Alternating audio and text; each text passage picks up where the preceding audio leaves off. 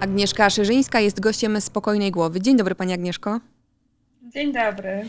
E, jeżeli Pani pozwoli, to przeczytam wszystko, co sobie wynotowałam na Pani temat. E, coachka intymności, edukatorka seksualności dla dorosłych, językoznawczyni z wykształcenia i zamiłowania, ekspertka od psycholingwistyki i komunikacji, propagatorka inteligencji seksualnej.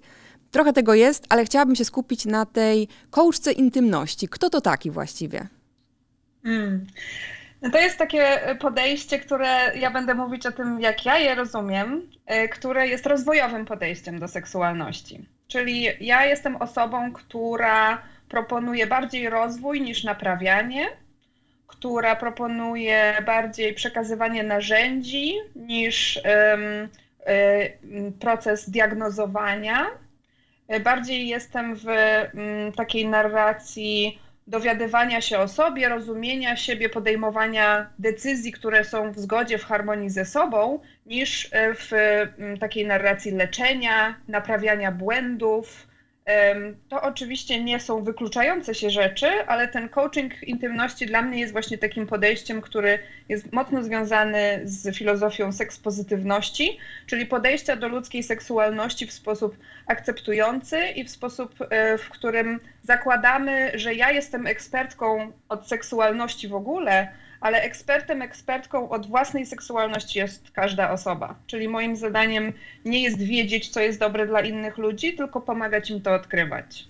Bo chyba trochę jest tak, że my widzimy no, głowę, e, swój organizm, to wszystko, co nas boli, a w ogóle seksualność jest gdzieś obok i nawet często w ogóle o niej e, nie rozmawiamy, a to jest bardzo ważne, bo powinniśmy holistycznie, rozumiem, postrzegać siebie. To znaczy, oczywiście to jest jedna z tych rzeczy, które są do własnej decyzji. Są osoby, dla których ta, ten element życia, życie seksualne czy własna seksualność nie jest na górze listy priorytetów życiowych i to jest całkowicie w porządku jeżeli dla kogoś to jest ta właściwa wersja.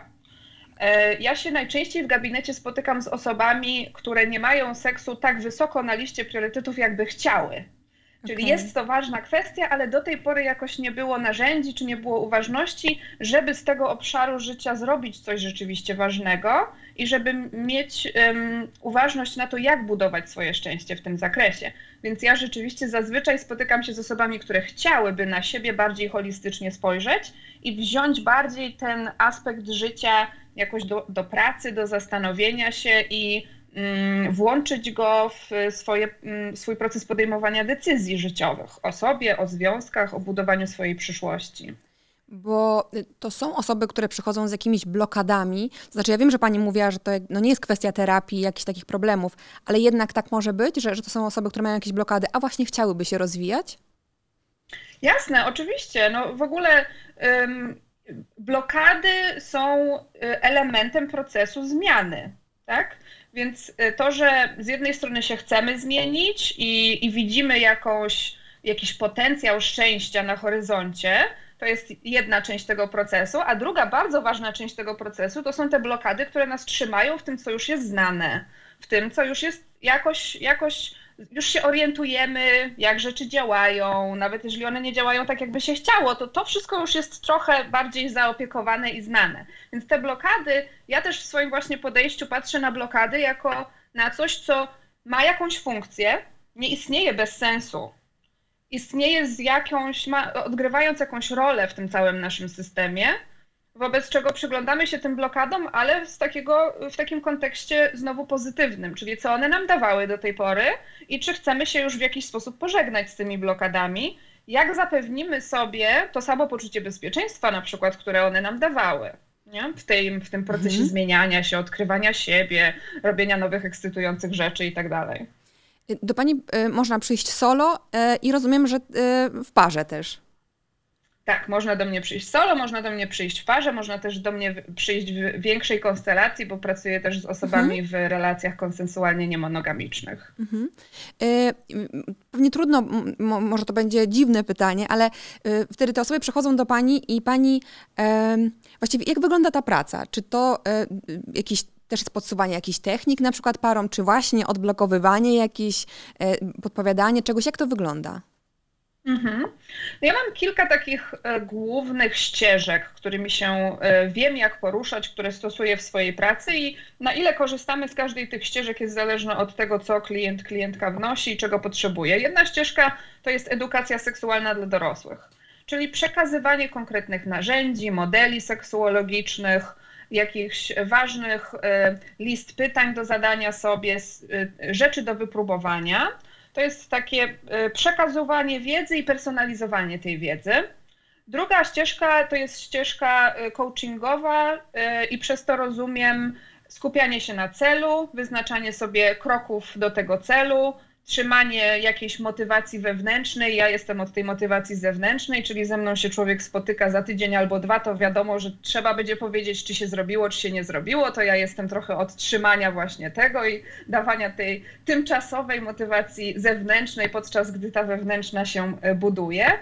I trzecia ścieżka to jest terapia skoncentrowana na rozwiązaniach, która jest takim nurtem terapeutycznym, który w mojej ocenie bardzo się um, ładnie się, ładnie komplementarnie się um, udaje stosować z filozofią sekspozytywności, bo to też jest nurt terapeutyczny, w którym osoba pracująca pomocowo ma za zadanie pomóc klientowi, klientce podejmować takie decyzje, które dla nich będą najlepsze i będą najbardziej ich do tego upragnionego celu e, zbliżać.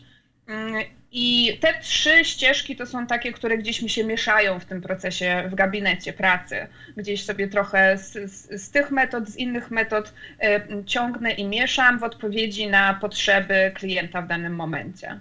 Czy to jest tak, e, dla Pani może to być pytanie retoryczne, że jeżeli zadbam o siebie, e, to też ta relacja y, z partnerem, partnerką będzie pełniejsza wtedy? No bo ja wiem, czego potrzebuję, chyba to gdzieś tak może wyglądać? Tak, rzeczywiście zazwyczaj okazuje się, że kiedy zwracamy uważność do środka, to też świat zewnętrzny na to reaguje. Mhm. Czyli zaczynanie od środka jest y, takim jakimś zapoczątkowaniem pewnego procesu falowania, takich fal, które się potem rozchodzą na relacje. Bo tak, im lepiej ja sobie zdaję z tego, gdzie są moje granice, czego ja tak naprawdę chcę, co jest mi potrzebne do szczęścia, tym lepiej jestem w stanie poprosić drugą osobę o wsparcie w tym dążeniu do własnego szczęścia. I jednocześnie jestem w stanie brać odpowiedzialność za siebie, czyli e, podejmować własne decyzje, które mnie zbliżają do tego, czego bym chciała, a jednocześnie jestem w stanie lepiej negocjować z drugą osobą jej udział w tym moim mhm. szczęściu i w tym, czego ja bym chciała. Mhm. Dokładnie. E, ostatnio zdarzyło mi się pracować nad e, takim tematem o masturbacji, ale o tym, że no, wiele kobiet by chciało, ale trochę się boi, bo są blokady, na przykład wynikające z no, trochę dużo o tych blokadach, ale wynikające z wychowania. Oczywiście jakaś tradycja, w której jesteśmy też, też wychowywani. Czy, czy z tym pani też się spotyka i to ma wpływ właśnie na to, jak my do tej intymności podchodzimy? Mhm. Tak, wydaje mi się, że teraz jesteśmy w takim dosyć ciekawym momencie, bo istnieje dużo jednoczesnych ścieżek, jednoczesnych narracji na temat kobiecej seksualności i na temat między innymi masturbacji.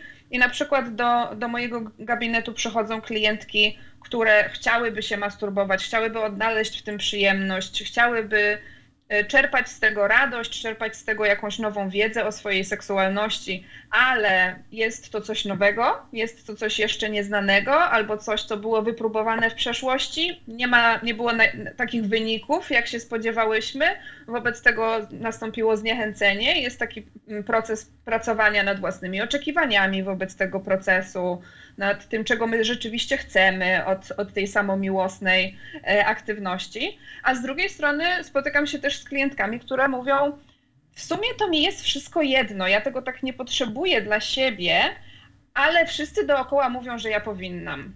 Okay. I że przecież jak się, jak się poznać, skoro ja się sama nie dotykam. No i, i z jednej strony przekonuje mnie ten argument, ale ja tak w sumie to nie chcę się masturbować. No i teraz co robić? Co, gdzie tutaj jest jakieś tak źródło tej decyzji? Czy to jest rzeczywiście moja chęć? Czy ja jestem pod wpływem jakiejś takiej właśnie bardzo pozytywnej narracji o samomiłości, a, a dla mnie to nie jest źródło szczęścia?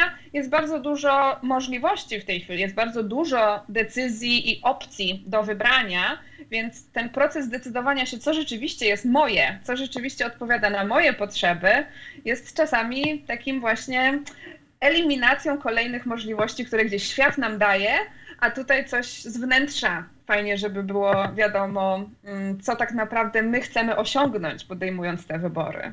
Ale dbanie o, e, o tę intymność to jest też dbanie o tę kondycję psychofizyczną? Tak, na pewno. To też zależy, co oznacza słowo intymność, nie? Mhm. Bo intymność czasem jest bardziej rozumiana jako fizyczność, w takim sensie bycia w jakimś kontakcie fizycznym z drugą osobą. Intymność ma też, dla mnie ma raczej szersze znaczenie, czyli w ogóle bycia w bezpiecznej przestrzeni razem, w takiej przestrzeni, w której mamy przyzwolenie na bycie tym, kim jesteśmy. To mhm. jest chyba dla mnie jakiś taki, taki fundament intymności. No i im, im lepsze jest nasze samopoznanie psychofizyczne i im, im bardziej się opiekujemy sobą, im bardziej dajemy sobie przyzwolenie na to, żeby być tym, kim jesteśmy, tym łatwiej jest nam nawiązać intymny kontakt z drugą osobą, w takim sensie, że mamy też w sobie przestrzeń, żeby komuś udzielić takiego pozwolenia na bycie tym, kim ta osoba jest czy, to, czy ona jest podobna do nas, czy ona jest inna od nas? Czy ona ma tak samo jak my, czy ma inaczej? Czy rozumie rzeczy tak samo, czy rozumie rzeczy podobnie? Czy, czy mamy bardziej odkrywanie podobieństw, czy mamy bardziej odkrywanie różnic? Mhm. Na Pani stronie na, na Facebooku, na profilu, e, znalazłam też e, dotyczącą kwestię par kwestię dotyczącą par, o tak powinno być właściwie. Pani językoznawczyni, to teraz będę się stresowała, czy nie zrobię jakiegoś tutaj błędu. E, chcę zapytać o, o, o ten wątek e, otwartości w związku. To tutaj mówimy o znudzonych parach, czy właśnie takich ciekawych siebie i chcących więcej? E, otwartości w związku? Tak, tak, tak. Otwartości na co? No właśnie, po prostu, że, że przychodzą do pani pary, które chcą otworzyć się w związku. No właśnie dlatego pytam, na co one chcą się otworzyć. Czy to chodzi o to znudzenie, czy na przykład właśnie potrzebują nowych doznań, e, żeby jakoś, no właśnie bardziej o siebie jeszcze zadbać? Te motywacje na pewno nie są jednorodne. Mhm. Czyli na przykład um, powiedziała pani y, nuda. Nuda jest często um, powiedzmy, że emocją, czy stanem, nazwijmy ją stanem, jest stanem, który tak naprawdę sygnalizuje chęć nowości. Czyli e, nie ma tak, że są osoby, które się znudziły i są osoby, które chcą nowości. Te, te wszystkie rzeczy są złożone i połączone, nie? Czyli kiedy na przykład przychodzi do mnie do gabinetu para i mówi, mmm, jakaś taka rutyna się wdarła, jakoś tak coś ten seks jakoś tak się nie dzieje, jakoś tak się wyciszyło, często po dziecku się wyciszyło, albo po jakichś zmianach życiowych, jakichś przeprowadzkach i innych takich logistyczno-praktycznych, życiowych momentach, różne rzeczy się wyciszyły, to, to w tych wszystkich zdaniach wyraża się potrzeba autoekspresji, wyraża się potrzeba rozwoju, potrzeba czegoś nowego, to jest jedna z podstawowych ludzkich potrzeb. Z jednej strony mhm. mamy potrzebę bezpieczeństwa i stabilności, a z drugiej strony mamy potrzebę nie stania w miejscu, tylko do przodu i coś nowego. Nie? Więc te potrzeby się wyrażają w tych właśnie um, sformułowaniach takich jak nuda, takich jak rutyna, bo zauważamy przede wszystkim to, co nam nie pasuje w pierwszej kolejności, a dopiero w następnej kolejności zauważamy, co można by było chcieć zamiast tego. Mhm. Jak już się chcemy pozbyć tej nudy, to jak się ta nuda przestanie istnieć, to co w tym miejscu pozostawionym pustym przez tę nudę będzie? Co ją uzupełni? Mhm. Co to miejsce będzie zabierać wtedy? Czy my e, zaniedbujemy intymność? Ja wiem, że to jest pytanie też takie ogólne, no bo trudno powiedzieć, że wszyscy tak się zachowujemy, e, ale jeżeli by tak spojrzeć na, na nasze społeczeństwo, zaniedbujemy e, swoje zdrowie i intymność właśnie? No, ja, ja, mam taką perspektywę na ludzi jako na gatunek, jakoś tak bardzo uniwersalnie to zabrzmi, e, ale taka rzeczywiście, takie jest moje przekonanie, że ludzie radzą sobie najlepiej, jak potrafią z tym, co mają.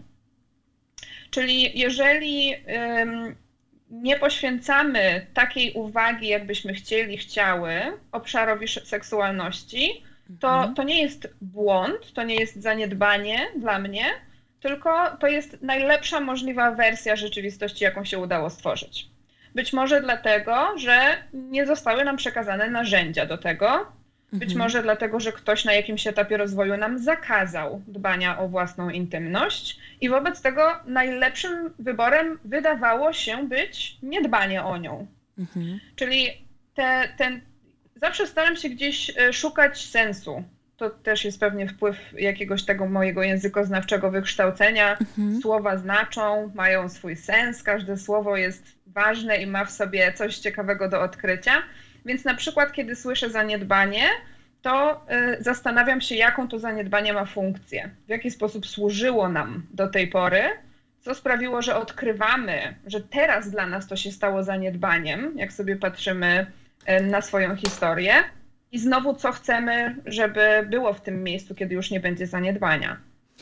Mam wrażenie, jak tak rozmawiamy, że pani jest. Yy, yy w ogóle nieoceniająca i to musi dawać też takie bezpieczeństwo tym osobom, które przychodzą do pani, bo to jest chyba bardzo ważne. No bo pewnie niektórzy przychodzą jeszcze wstydząc się trochę. E, tak jest rzeczywiście? Tak. Tak, to, to jest jeden z fundamentów tego podejścia, w którym e, ja pracuję i tworzenie bezpiecznej przestrzeni do tego, żeby można się było dzielić tymi rzeczami, które w przestrzeni publicznej nie wybrzmiewają jako bezpieczne, nie wybrzmiewają jako właśnie coś, co jest w standardzie opiekowania się sobą. To, to jest jeden z elementów całego procesu, po który ludzie do mnie przychodzą. Czasami mam wrażenie, że mamy oczywiście jakiś cel, mamy jakieś konkretne kwestie, nad którymi pracujemy, ale czasami transformacyjne dla moich klientów, klientek jest samo bycie w przestrzeni, w której mogą po prostu być i nie poddawać siebie samych ocenie ciągłej, nieprzerwanej, mhm. E, rozkładaniu się na części pierwszej i decydowaniu, co jest źle, niedobrze. Z tym mamy problem chyba. Mam wrażenie, że, że wszyscy ciągle się oceniamy i, i, szukamy w jakichś takich problemów. E, no, sobie. więc godzinka wolności od tego tak. w tygodniu może całkiem dobrze działać, bez względu na to, czy, czy e, będziemy robić dużo kroków szybkich do przodu i się zmieniać strasznie szybko i fajnie i w ogóle, czy po prostu sobie pobędziemy, nie poddając się cały czas w wątpliwość czy pod ocenę. Mhm. A jeżeli ktoś nie ma odwagi na razie, e, żeby się do Pani zgłosić, to e, od czego może zacząć tę pracę nad sobą? Jakaś literatura, czy, czy no właśnie przebywanie ze sobą i jakieś ukierunkowanie myśli, medytacja, nie wiem nawet? No myślę, że jest dużo różnych sposobów i ja bardzo zawsze polecam różnego rodzaju zajęcia związane z zapisywaniem swoich myśli.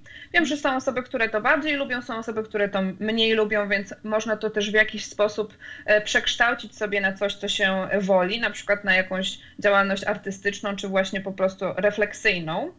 E, ja znowu pewnie z jakiegoś wpływu językoznawczego mam takie przekonanie, że jak rzeczy się zapisują, to się stają jaśniejsze, prawdziwsze, bardziej właśnie możliwe do, do, do pracy, do, do jakiejś poddania refleksji.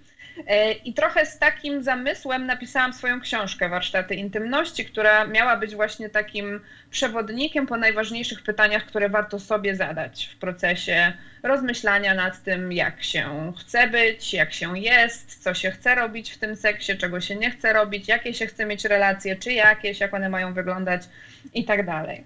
I e, to jest taka e, książka, w której się bardzo dużo pisze, oczywiście nie trzeba, bo nic nie trzeba, ale taki był, taki był mój zamysł, żeby było tam trochę treści, czyli takich rzeczy, które ja mówię na warsztatach, mówię w gabinecie, takie treści, które wydaje mi się, że najczęściej są pomocne. Różne modele, różne narzędzia, które często okazują się być pomocne w różnych kwestiach e, w pracy z pożądaniem i libido, w pracy z komunikacją z partnerem, partnerką, mm, w zastanawianiu się nad swoimi potrzebami i granicami e, w seksie i tak. I każdy taki kawałek wiedzowy ma za sobą siedem zadań do zrobienia. To jest to trochę coachingowe podejście i trochę takie, no to robimy. Robimy, działamy, myślimy, zadajemy sobie pytania i z tego gdzieś e, mogą nam wynikać po prostu nowe refleksje na swój temat i lepsze, głębsze samopoznanie, a mogą nam z tego wynikać jakieś konkretne rzeczy, których chcemy więcej robić, mniej robić, jakieś zmiany w życiu seksualnym też mogą być wynikiem takiego procesu. To jeszcze na koniec pytanie. E, mm, dla, dla, tych osób może, które jednak chciałyby się do Pani dostać, gdzie szukać? Pod jaką nazwą na, na Facebooku na przykład? E, jak? Można mnie znaleźć, jak się wpisze albo moje imię i nazwisko, Agnieszka Szerzyńska, albo coaching intymności. Ja współpracuję z Instytutem Pozytywnej Seksualności w Warszawie, więc też e, zapraszam do Instytutu. No w tej chwili bardziej w wersji online, ale kiedy już um, będzie można z powrotem się spotykać na żywo, to to jest miejsce też, w którym prowadzę warsztaty grupowe. Um, I um, na Facebooku tak samo Instytut Pozytywnej Seksualności i coaching intymności. Pani Agnieszko, bardzo dziękuję za rozmowę. Ja również bardzo dziękuję. Pozdrawiam.